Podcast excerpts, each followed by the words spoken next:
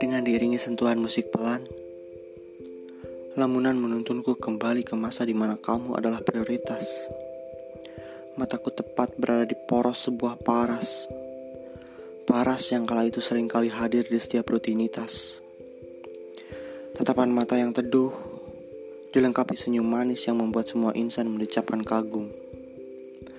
Belum lagi resung pipi tepat di setiap senyummu, menarik hati ingin selalu memiliki.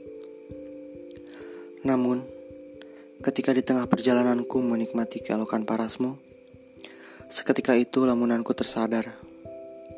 Tak kalah satu persatu rintik hujan mulai bertebaran menyentuh bumi.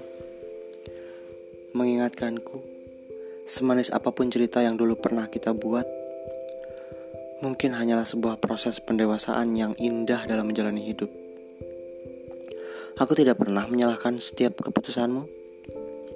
Bahkan, ketika kau berniat berhenti menjadi pemeran utama di setiap ceritaku. Biar bagaimanapun, cerita hidup harus tetap berlanjut. Meski harus lembaran baru kuciptakan.